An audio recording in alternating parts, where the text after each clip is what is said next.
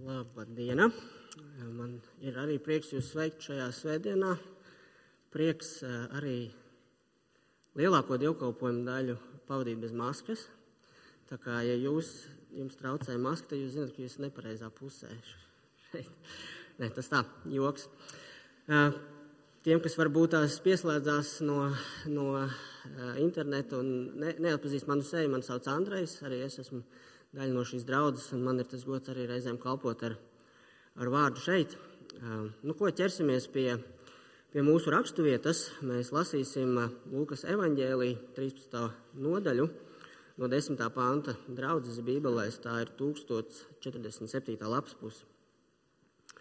Lūkas evanģēlijas 13. nodaļa no 10. panta līdz 21. Kādā sinagogā viņš mācīja sabatos. Viņš tas ir Jēzus. Redzi, bija kāda sieviete, kurai jau 18 gadus bija nespēka gars, un viņa bija salīkusi un nespēja iztaisnoties. Jēzus viņu ieraudzījis, pieaicināja sev klāt un sacīja: Sieviete, tu esi atbrīvota no savas slimības. Viņš tai uzlika rokas, un viņa tūdaļ iztaisnojās un sāka godināt Dievu. Bet sinagogas priekšnieks saska, saskaities, ka Jēzus dziedina sabatā, vērsās pie ļaužu pūļa. Ir sešas dienas, kurās jāstrādā. Tad nāciet tajās un topiet dziedināt, bet ne sabatā.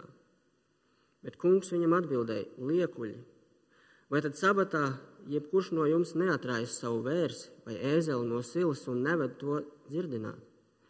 Redzi, vai šo Ābrahāma meitu, kuru sātans ir turējis sasietu jau 18 gadus, nevajadzēja sabatā atbrīvot no saitēm? Viņam tā runājot, visi viņa pretinieki nokaunējās, bet ļaužu pūlis priecājās par tām brīnumainajām lietām, kas notika caur viņu. Tad viņš teica, kam Dieva valstība ir līdzīga, ar ko, ar ko lai to salīdzina? Tā līdzīga sinepju graudiņam, kuru cilvēks ņēma un iesēja savā dārzā, un tas izauga un kļuva par koku, un debesu putnu līdzdoja tā zaros. Vēlreiz viņš sacīja, ar ko lai salīdzina Dievu valstību. Tā ir līdzīga raugam, ko sieviete ņēma un iejauca trīs mēros miltu, līdz visa mīkla uzrūga. Tas ir Dieva vārds.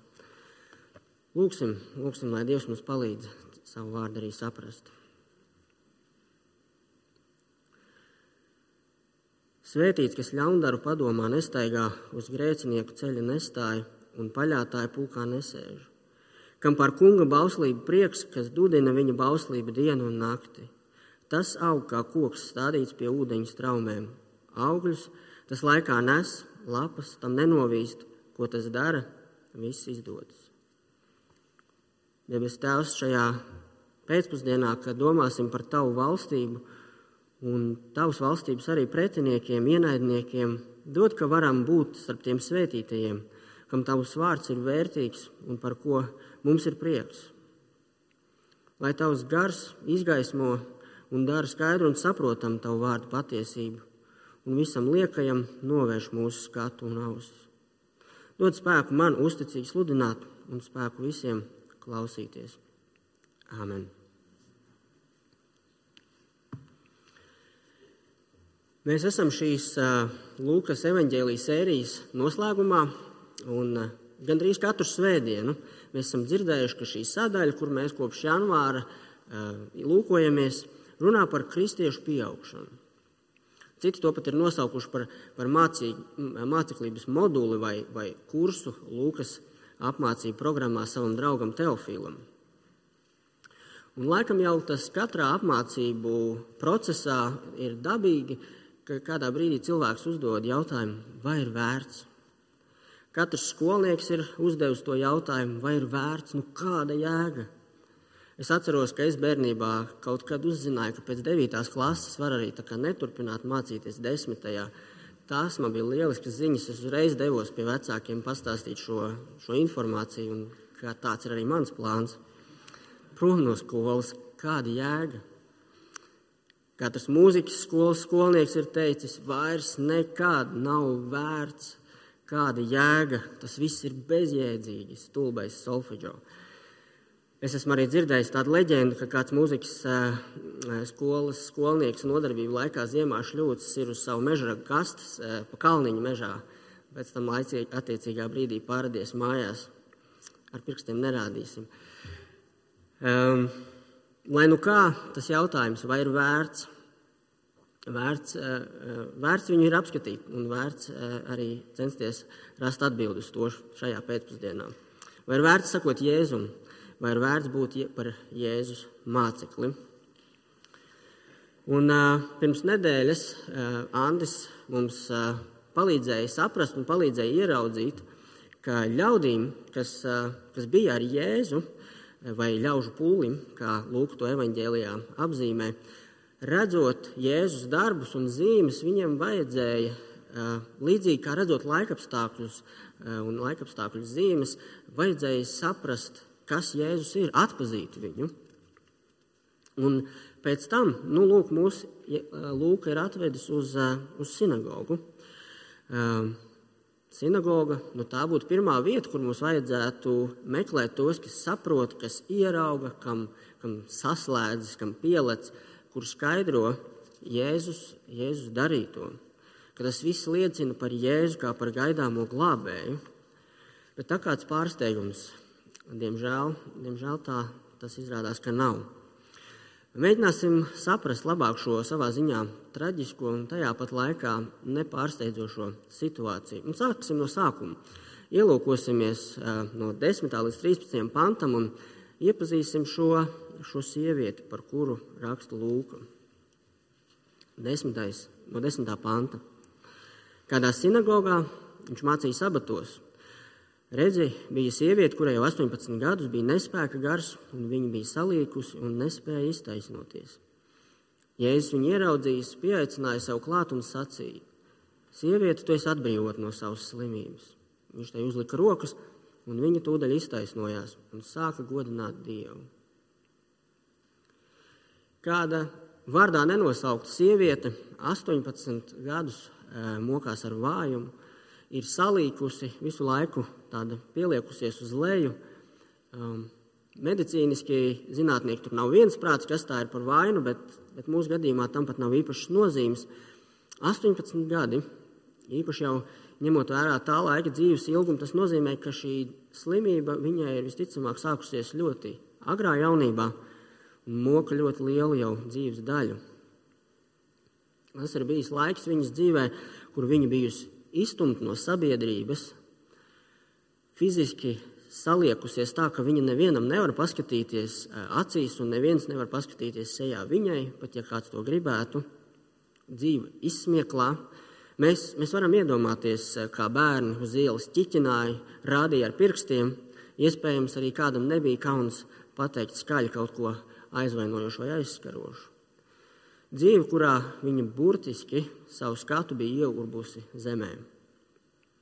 Bet kur mēs viņu atrodam? Kur, kur viņa ir? Ir sabats, un šī sieviete ir tur, kur viņai ir jābūt. Viņa ir sinagogā, dievnamā.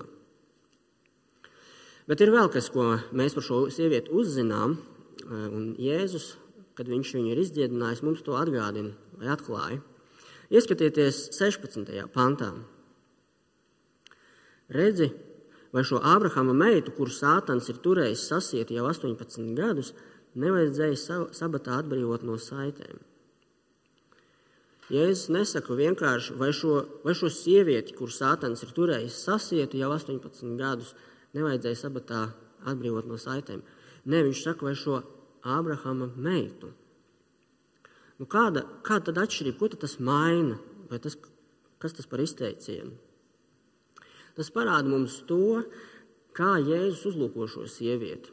Caur kādu, ja mēs tā gribētu teikt, prizmu viņš uz viņu lūkojās. Viņš neuzlūko viņas spējas vai viņas nespējas, viņas sto, so, sociālo statusu. Viņš uzliek, uzlūko viņu pēc būtības. Viņa ir Ābrahama meita. Tā paša Ābrahama, kurš ir visas Izraēla tautas patriārhs, tēvs, pamatlicējs. Tā paša Ābrahama, kuram bija dots apsolījums par tik daudz pēcnācējiem kā zvaigznes debesīs un smiltis tūkstnesī. Tā paša Abrahama, kuram bija dots apsolījums par īpašu dieva svētību, un arī apsolījums par īpašu zemi, kurā dieva tauta mājos.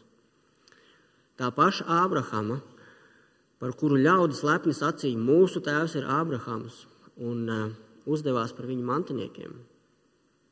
Tā paša Abrahama, kura dēls bija sinagogas priekšnieks. Jēzus varēja viņu arī nosaukt par Ādama meitu, tā norādīdams uz viņas grēcīgumu, samaitātību.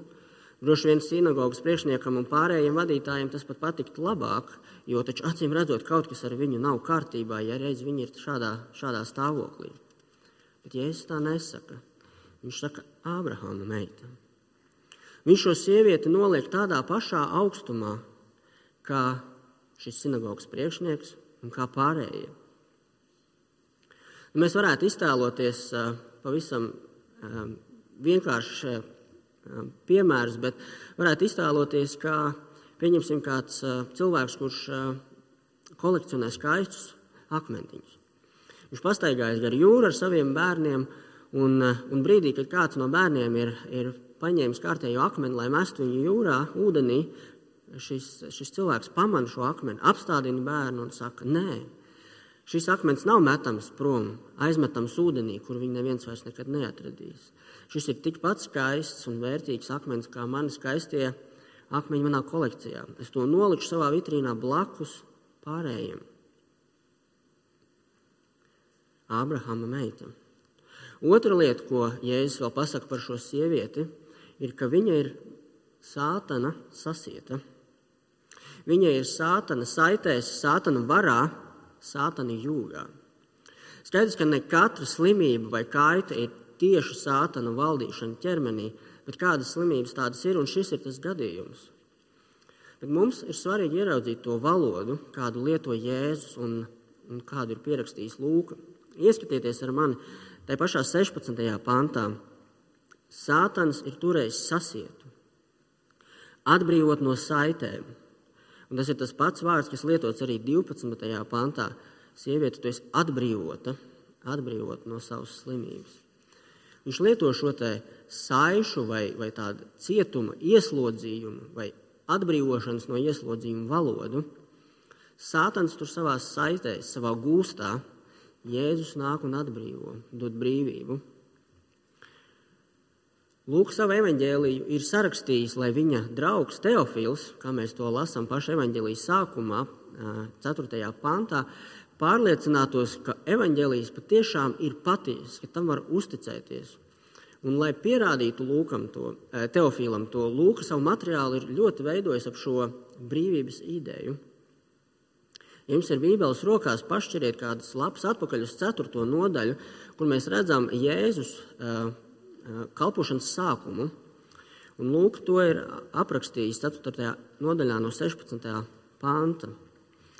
Mēs atkal redzam Jēzu sinagogā, mēs atkal redzam Jēzu sinagogā mācām, un vārdi, kurus Jēzus tajā reizē nolasīja, bija no Iesaijas grāmatas 61. nodaļas. Un Lūka šos vārdus ir pierakstījis tā: Kunga gars ir pār mani, jo viņš ir svaidījis mani pasludināt prieka vēstu nabagiem. Viņš ir sūtījis mani dziedināt sirdī satriektos un pasludināt atbrīvošanu gūstekņiem un akliem acu gaismu, salauztos darīt brīvus un pasludināt kunga žēlastības gadu. Un ko Jēzus pēc tam saka, šodien ir piepildījies šis raksts, ko jūs dzirdat. Lūkas savā evaņģēlijā Jēzus kalpošanas lielo tēmu dod šo atbrīvošanu brīvību. Un starp citu, tur pieminētais žēlstības gads arī būs ieraugāms mūsu raksturvietā. To mēs vēl, mēs vēl pieskarsimies tam. Bet, bet, protams, viss nenorit gluži tik gludi. Jēzus sastopas ar iebildumiem. Un Jēzum, Jēzum Nu, jā, viņam šajā reizē gadījās misēklis. Viņš aizmirsa, ka ir sabats. Un sabatā nedrīkstēja darīt nekādus darbus. Tas bija stingri ierakstīts baušļos, kurus sinagogas priekšnieks Jēzum arī uh, kārtīgi atgādināja. Ielūkosimies 14. pantā. Bet sinagogas priekšnieks, saskaities, ka Jēzus dziedina sabatā, vērsās pie ļaužu pūļa. Ir sešas dienas, kurās jāstrādā. Tad nāciet tajās un topiet dziedināti, bet ne sabatā. Tikai viena nianse. Ja uzmanīgi ieskatāmies 14. pantā, sinagogas priekšnieks to nesaka Jēzum, bet gan ļaužu pūlim. Bet pat ne ļaužu pūlim, bet gan izdziedinātajai sievietei. Jo viņš saka, nāciet tajās sešās dienās dziedināties. Kurš tad nāca dziedināties? Sieviete. Nu, ko tu līkā atnāc šodien dziedināties? Tev nedēļā dienu par maz. Varēja nākt jebkurā citā dienā. Rekur darba laiks, svētdiena līdz piekdiena, no 9 līdz 5, pusdienas pārtraukums no 1 stundu. Lūk, iesnieguma veidlapa izskatām 30 dienu laikā. Nezinu, kādēļ sinagogas priekšnieks nerunāja ar pašu baušļa pārkāpēju, ar darba vai šī gadījumā nedarba darītāju. Bet varbūt, varbūt tomēr tas, ka šī dziedināšana notika sabatā, nebija nekāds misēklis. Ieskatīsimies vēlreiz uzmanīgi 16. pantā. Jēzus saka, redzi, vai šo Abrahama meitu, kuru sātans ir turējis sasiet jau 18 gadus, nevajadzēja sabatā atbrīvot no saitēm. Viņš neteica vienkārši, vai šo sievieti nevajadzēja atbrīvot no saitēm. Un tā būtu bijusi patiesība, tā ir patiesība, vajadzēja atbrīvot. Bet Jēzus saka, šai atbrīvošanai no sātana gūsta bija jānotiek tieši sabatā. Bet, bet kā tad tā? Bausla sinagogas priekšnieks nocitēja pareizi. Mums ir vecajā derībā divas, divās vietās pierakstīti desmit baušļi. Eh, otrajā mūzes grāmatā un piektajā mūzes grāmatā. Un ab, abās grāmatās šie vārdi ir gandrīz identiski. Sešas, die, sešas dienas strādā un dara savus darbus, bet septītā diena ir sabats kungam, tavam dievam. Tad nedari nekādu darbu. Ne tu, ne tavs dēls, ne tava meita, ne tavs vergs, ne tava verdzene, ne tavi lopi, ne svešinieks, kas tavos vārtos. Šeit ir kāda interesanta nianses. Otrā mūzes grāmatā turpinājumā šim te bauslim ir paskaidrojums, un tur ir teikts, kādēļ. Jo sešās dienās kungs radīja debesis un zemi, jūru un visu, kas tajā, bet septītajā dienā atpūtās. Tādēļ, tādēļ kungs svētīja sabata dienu un darīja to svētu. Savukārt, piektajā mūzes grāmatā turpinājumā ir rakstīts sekojošais: Atceries, ka tu biji vergs Eģiptes zemē, un ka kungs tavs dievs izveda tevi no turienes ar stipru roku un izstieptu elponi. Un tādēļ, tādēļ kungs tavs dievs tev ir pavēlējis ievērot sabatu. Otrajā mūzes grāmatā sabatu turēšana ir saistīta ar radīšanu un to, ka Dievs septītajā dienā atpūtās. Vai kā pirmā mūzes grāmatā eh, tas ir teikts, Dievs mitējās no visa sava darba, ko bija darījis radīdams. Dievs mitējās no radīšanas darba, lai būtu kopā ar savu radību, priecātos par to un uzturētu to. Atcerieties, radīšanas stāstā katras dienas noslēgumā bija vārdi. Bija vakars un rīts, pirmā diena, bija vakars, rīts, otrā diena un tā tālāk. Izņemot septīto dienu. Septītā diena joprojām turpinās. Dievs joprojām ir kopā ar savu radību, lai to uzturētu. Tātad otrā mūzes grāmatā sabata turēšana saistīta ar dieva atpūtu un sadraudzību ar savu radību un tās uzturēšanu. Savukārt piektajā mūzes grāmatā sabata turēšana saistīta ar atbrīvošanu no Eģiptes verdzības. Tātad ar glābšanu, atbrīvošanu no gūsta. Vai abas šīs lietas kaut kur jau šodien nav dzirdētas? Jēzus uztur savus ļaudis šajā gadījumā izdziedinot sievieti, un caur šo pašu izdziedināšanu Jēzus atbrīvo viņu no jūga, sātana saitēm. Tas ir tieši tas, kam ir jānotiek sabatā. Un, ja mēs atceramies vēl šo terminu žēlstības gads, eh, kas bija pieminēts šajā atsaucē no iesaistas grāmatas, tas bija īpašs gads, kad jūdiem, kas, eh, kas jūdiem bija jāievēro katru septīto gadu. Viņiem sabata, bija, bija sabata gads, kurā viņi nedrīkstēja apsēt un apstāt, apstrādāt savus laukus, Viņiem bija jādzīvo no iepriekšējā gada ražas, kuru Dievs, starp citu, bija apsolījis īpaši ražīgu. Taču pēc septiņiem tādiem septiņu gadu cikliem, tātad katrs 50. gads, viņiem bija tās augtais gaviļu gads vai jubilejas gads, kurā visi pārdotie tīrumi, visi īpašumi pārdotie, pārdotie arī lopi bija jāatgriež un jā, jāatgriež sākotnējā stāvoklī. Nu, līdzīgi kā telefonam var uzlikt atpakaļ rūpnīcas iestatījumus. Un tam pamats bija tas, ka viņi ir viena tauta, Viņi ir dieva tauta, ja gribat, Abrahama dēlu un meitas. Un otrkārt, tas viss viņiem kalpoja par vizuāli spēcīgu attēlu tam, ko Dievs viņu labā ir darījis. Atbrīvojis, izglābis viņus no Eģiptes gūsta. Visa, visa sabata būtība ir atgādināta par brīvību, ko sniedz Dievs. Bet šis uh, sinagogas priekšnieks to nebija sapratis. Viņam bija nepareizi pat sakropļota izpratne par sabatu, par to, kas, tās, kas tas ir un e, kam būtu tajā jānotiek. Un tieši tādēļ Jēzus viņu nosauc par liekuli. Ieskatieties 15. pantā. Liekulu vai tad sabatā, jebkurš no jums neatraisa savu vērsi vai ēzeli no silas un neved dzirdināt. Tad, kad runa ir par jūsu biznesu, kad jums ir jāparo, jāparūpējas par saviem lopiem, lai nākošā dienā jūs varētu ar viņiem strādāt, jums nav problēma nedaudz pastrādāt un tos sabatā atraisīt. Bet, kad jāatraisa ir sieviete no sātana saitēm, jums tas ir lielais pārkāpums. Jūs savus lopus turat augstāk par šo Ābrahama meitu. Tā ir liekulība. Sabata būtība ir priecāties par par dievu gādību un rūpēm par dievu glābšanu. Sātans tur savā saitēs, savā gūstā, savā cietumā, Jēzus nāk un atbrīvo. Jēzus atbrīvo, dod sievietei brīvību, demonstrējot savu brīvības valstību. Bet cik labi, cik labi, ka mēs šodien varam dzīvot tādā brīvā sabiedrībā.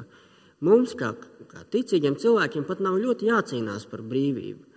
Par, jo par to pat reizēm enerģiskāk dara cilvēki, kas nemaz sevi eh, nesauc par kristiešiem, kas dievam nemaz neusticas. Sākot ar brīvību par, par apģērbu, ko, ko piedienas vilkt, ko nē, cik daudz vai cik, eh, vai cik apklājošam drēb, drēbēm būtu jābūt brīvība. Mums nav jācīnās par vārda brīvību, to dara citi. Brīvību gultā, brīvību tajā, kā es jūtos, vīrietis vai sieviete vai kaut kas pa vidu. Ak, cik laba mums dzīve šodien, vai ne? Es ceru, ka pamanījāt ironiju un sarkasmu tajā, ko es tikko teicu. Jā, vai, vai tā brīvība, par kuru Jēzus runā, vai, kuru viņš dod, vai tā ir tāda dari, ko gribi brīvība?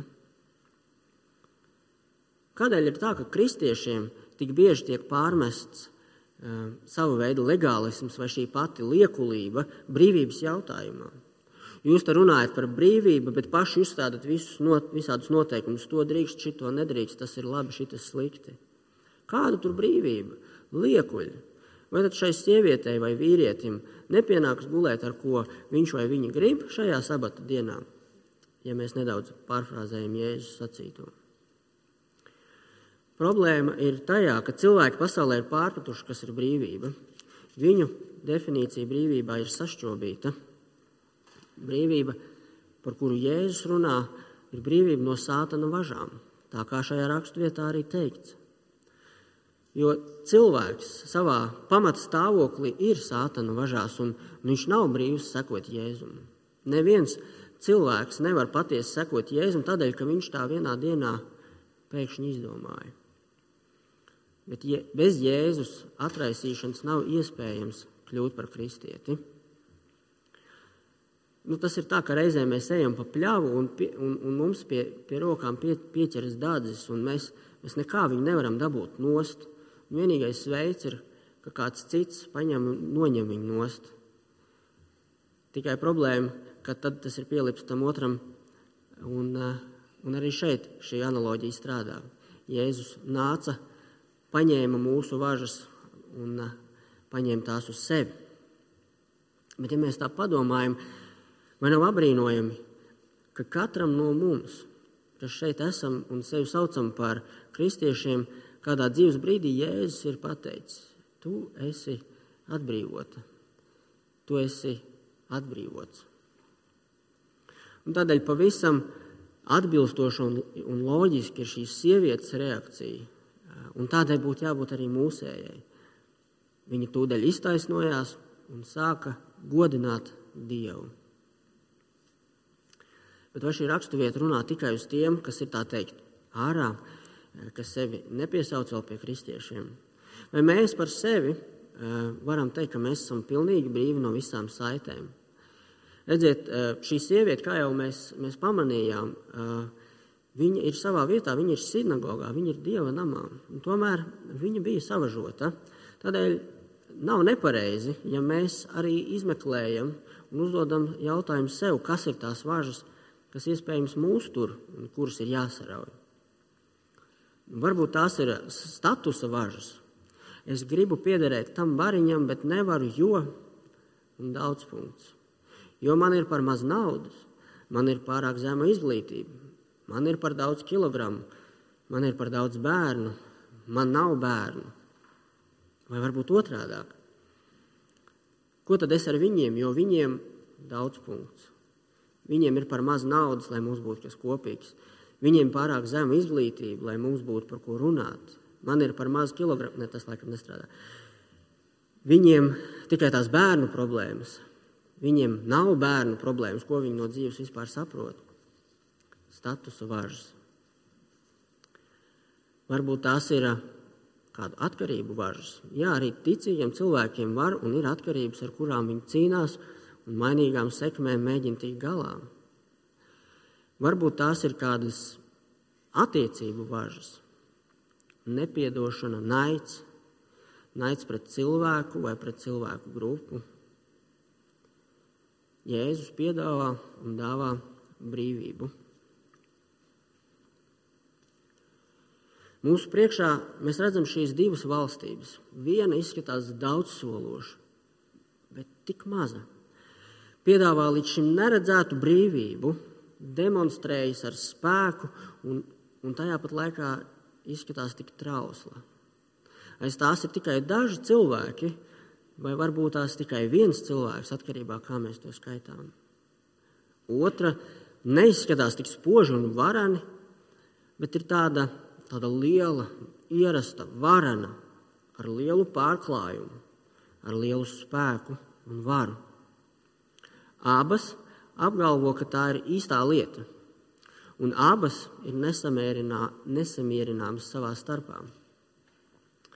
Un tas nozīmē, ka lielajai valstībai īsti nebūtu problēma sabērst miltos to mazo, jauno dzinumiņu. Un mēs paliekam izvēles priekšā, kurai valstī piederēt. Lūkas draugs Teofils ir izvēles priekšā. Viss tā kā liecina par labu tai pirmajai, bet vai tas ir droši? Šis nav, šis nav investīcija portfels. Paņemsim nedaudz no šīm akcijām, nedaudz no tām, tā teikt, diversifikācija, ilgtermiņa panākuma atslēga. Nē, šeit ir, šeit ir uz, uz visu banku. Es esmu gatavs likt visu uz bitkoinu vai palikt pie pārbaudītā. Vai ir vērts? Tāds ir jautājums. Un atbildu šo jautājumu, varbūt pat iebildumu, dod nākošā sadaļa. Šīs divas līdzības, līdzība par sinepju koku un raugu. Es zinu, ka mēs ļoti daudz laika pavadījām. Pirmajā punktā es apsolu, ka šis būs uh, īsāks. Um, Jēzus sāk runāt par Dievu valstību un to, kā to salīdzināt, un īstenībā par to, kādā veidā tā aug. Izlasīsim šīs abas līdzības uzreiz, jo lielā mērā tās ir līdzīgas, un apskatīsim tās kopā. No 18. panta. Tad Jēzus teica, kam Dieva valstība ir līdzīga, ar ko lai to salīdzina? Tā līdzīga sinepju graudiņam, kuru cilvēks ņēma un iesēja savā dārzā. Un tas izauga un kļuva par koku, un debesu putni līdzdoja tā zaros. Vēlreiz viņš sacīja, ar ko lai salīdzina Dievu valstību? Tā ir līdzīga raugam, ko sieviete ņēma un iejauca trīs mēros miltu, līdz visa mīkla uzrūga. Sinepju graudiņš.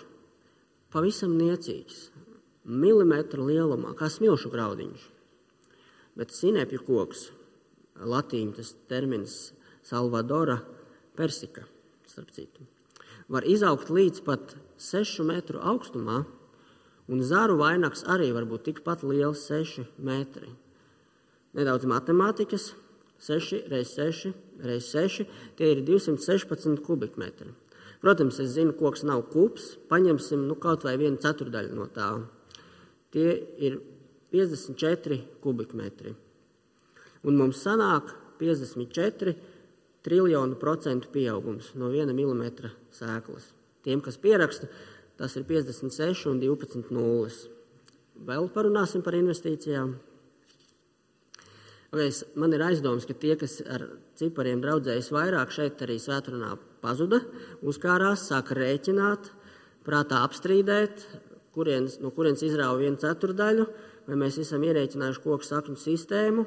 Es uzreiz varu pateikt, ka man nav objektīvas atbildes uz šiem jautājumiem, bet lūdzu atgriezieties un e, padomājiet par to pēc svētdienas. Viens mazs graudiņš izaug par lielu koku, kurā putni taisa līdzdes. Tas putns, kas tajā līdzdā dzīvo, e, šo potenciālo koku, pirms tas ir kļuvis par koku, varētu apkam, e, apēst vienā kampienā. Bet, kad tas koks izaug, viņi atrod tur sev māju vietu, atrod sev patvērumu. Maza sēkla, kas tika iesēta, viņa tika iesēta nevis iestādīta un ar mazu kociņu, ar uzrakstiņu atzīmēta. Iesēta viens vēziens, un sēkliņas vairs nav. Un nav arī atrodama, bet kaut kur tur viņa ir. Un līdzīgi arī raugs, kurš saraudzē visu mīklu. Arī šeit ir nedaudz vērts pievērsties skaitļiem. Trīs mēri, nu kas ir tie mēri? Mērkarotas, mērglāzes. Izrādās, ka viens mērs ir aptuveni 10 kg. Tad šeit runa ir par 30 kg miltu, kuros tiek iejaukts raugs. Un pēc tam šie 30 kg, kas tāpat jau ir ne ikdienišķs daudzums, sāk rūkt un palikt ar vien lielāks un lielāks. Uzreiz nāk prātā kādas animācijas filmas, kur kaut kas briestošs, augošs, briest un tūlīt uzspridzinās visu māju. Nu, tāds, tāds pamatīgs industriāls kvantums, par ko Jēzus runā. Un šajā milzīgajā miltu daudzumā tiek iejaukts raugs. Citos tulkojumos pat teikts paslēpts raugs. Un visa mīkla uzrūkst.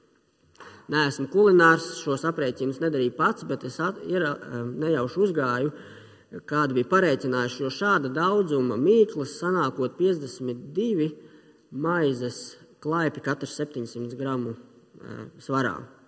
Ja to sagriezt šķēlēs, sanāktu vairāk kā 800 maizes šķēles, un, ja tās apēstu ar šokolādes vai riekstu sviestu krēmu, vajadzētu vairāk kā 60 burciņas šī krēma. Diezgan, diezgan matemātiķi, lūdzu, atgriezieties. Abas, abas šīs līdzības runā par kaut ko mazu, niecīgu, nemanāmu, bet klātesošu, kas dara savu darbu un kļūst par kaut ko lielu, varenu un neapturamu. Kā jau teicu, abas šīs līdzības ir eh, līdzīgas, bet izskatās, ka katrai no tām ir nedaudz cits uzsvars. Pirmajā ir pieminēts viens sinepju graudiņš, kurš izaug par vienu pamatīgu koku. Nu, mēs droši vien varam nojaust, kurš ir tas viens, kurš aizsāk šo valstības augšanu un, kura, un uh, kurā, kurā mēs uh, rodam mājas un patvērumu. Protams, tas ir tas pats, kurš sarauj sātanu važas un, dod brīvību.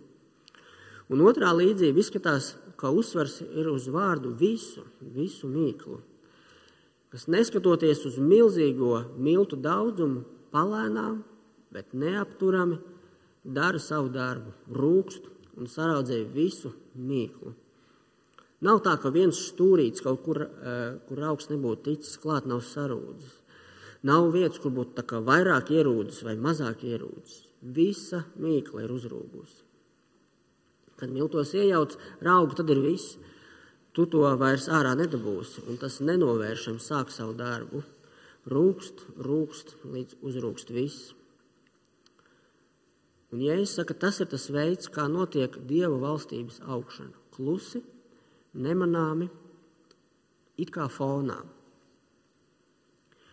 Un es domāju, ka mums, kā Eiropiešiem, varētu būt pat vieglāk priecāties par šo patiesību, ka Dieva valstība nenovēršami aug. Mums varētu būt vieglāk, tāpēc, ka šķiet, ka mēs apkārt to neredzam. Kristietība sastopas ar vien vairāk pieaugušu um, pretestību, iebildumiem. Arvien vairāk mēs izskatāmies par jocīgiem, dīvainiem dēļ saviem uzskatiem. Un tā vien šķiet, kurš gan gribētu pievienoties šādai arhaiskai ticībai. Statistiķi ir novērojuši, ka Eiropā arvien mazāk cilvēku pārliecin, ir pārliecināti par Dieva eksistenci. Un man bija liels pārsteigums ieraudzīt, ka mūsu kaimiņi Igauni eh, un kopā ar Čehiem ir šī topa virsotnē. Starp Austrumu Eiropas un bijušām padomju savienības valstīm viņi noliedz Dieva eksistenci un lepni sauc sevi par, par ateistiem. Tādēļ nav pārsteigums, ka mums šķiet, ka viss ir slikti. Jā, otrās, otrā svētdienas eh, daļa vairāk par skaitļiem. Es atvainojos tiem, kas, kas, kurus varbūt šie skaitļi iemidzina, bet šeit būs atkal nedaudz skaitļi, nedaudz statistikas. Un, jā, es zinu, ka dažādi viedokļi par statistiku, ir dažādi jautājumi par metodēm.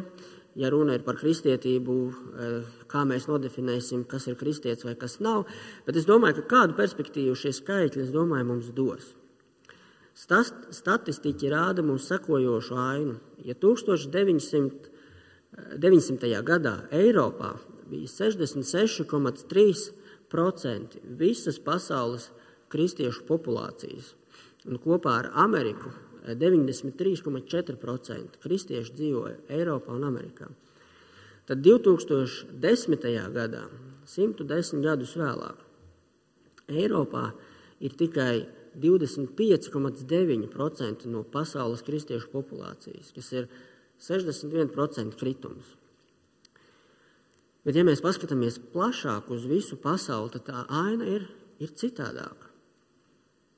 1900. gadā tiek lēsts, ka uz pasaules bija 600 miljonu kristiešu. 2010. gadā tas skaitlis ir 2,2 miljardi kristiešu. Jā, es zinu, ka kopējā pasaules populācija arī ir augusi, bet tomēr ne tik strauji. Tie ir gandrīz 367% pieaugums 110 gados. Vai jūs šajos skaidros ieraugat, kā sinepju koks aug, kā mīkla abrā rūkst, Vai jūs ieraugat, kā piepildās Ābrahamam dotais apsolījums par pēcnācējiem vairāk kā smiltis pludmalē un zvaigznes debesīs? Jā, Ābrahama apsolījumā iekļaujamies arī mēs. Pāvils arī to ir uh, apstiprinājis, rakstot galotiešiem. Viņš saka, kad jūs piedarat Kristum, tad jūs esat Ābrahama dzimums, mantinieki pēc apsolījuma. Kristietības populācijas centrs ir atvirzījies prom no Eiropas, bet augšana nav samazinājusies. Un kā, jau, kā jau ievadā sacīju, šī raksturvieta noslēdz šo sadaļu Lūkas evanģēlijā, kas runā par augšanu, kristiešu augšanu, caur ko aug Dieva valstība. Bet kā tad, kā tad viņa īstenībā aug, ja mēs skatāmies šo sadaļu un šīm līdzībām? Šī sadaļa mums liek domāt mazumā. Nevis sapņot uh, milzīgus sapņus, tiem ir sava vieta, bet, kad domājam par Dieva valstību, tā aug no mazumiņa.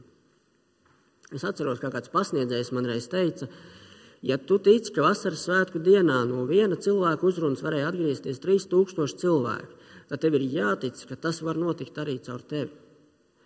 Un tāda ir tā mūsu mentalitāte, veiksmes, izpratne, varbūt pat laimes izpratne. Bet šķiet, ka Jēzus saka kaut ko citu. Dieva valstība aug caur šķietami nenozīmīgu sēdēšanu pie Jēzus kājām un klausīšanos viņa vārdos, kā to darīja Martas māsa Marija. Caur klusu un patiesu lūgšanu Tēvs, svētīts, lai top tavs vārds, lai nāk tava valstība, kā to lasījām 11. nodaļas sākumā. Dieva valstība aug, kad Jēzus māceklis bīstas Dievu, pastāv par patiesību un nebaidās no tiem, kas var tik vien kā nonāvēt miesu. 12. nodaļa no 4. pānta. ka tu nepaļaujies un neliec savu drošību šīs pasaules labumos un bagātībās, kā to darīja bagātais muļķis, 12. nodaļa no 13. pānta. Dieva valstība aug, ka tu esi aktīvā nomodā un ilgodamies gaidi savu kungu atgriežamies. 12. nodaļa no 35. panta. Kad kristietis pastāv par patiesību, pat ja tas radīs šķelšanos, vai ģimenē, vai draugu lokā, 12. nodaļa no 49. panta. Kad tu kādam palīdzi saskatīt un savilkt kopā norādes par Kristu, un gluži kā laikapstākļu zīmes palīdz izdarīt pareizos secinājumus un lēmumus. 12. nodaļa no 54. panta. Nekas liels, nekas tāds, ko varētu izdarīt tikai kāds ar īpašām spējām, ar vadītāju talantu, ar apoloģēta prasmēm, ar absolūtām un perfektām bībeles zināšanām. Tas nenozīmē, ka mums nevajadzētu pieaugt šais lietās. Kaut kas, ko katrs var darīt, maza sēkliņa, neliels auga daudzums un Dieva valstība aug. Tādēļ mēs esam aicināti pie, pievienoties šai, šai valstībai, ja to vēl neesam izdarījuši. Un esam aicināti pievienoties sievietei Dieva godināšanā par to, ka šī valstība patiešām, patiešām aug. Lūksim!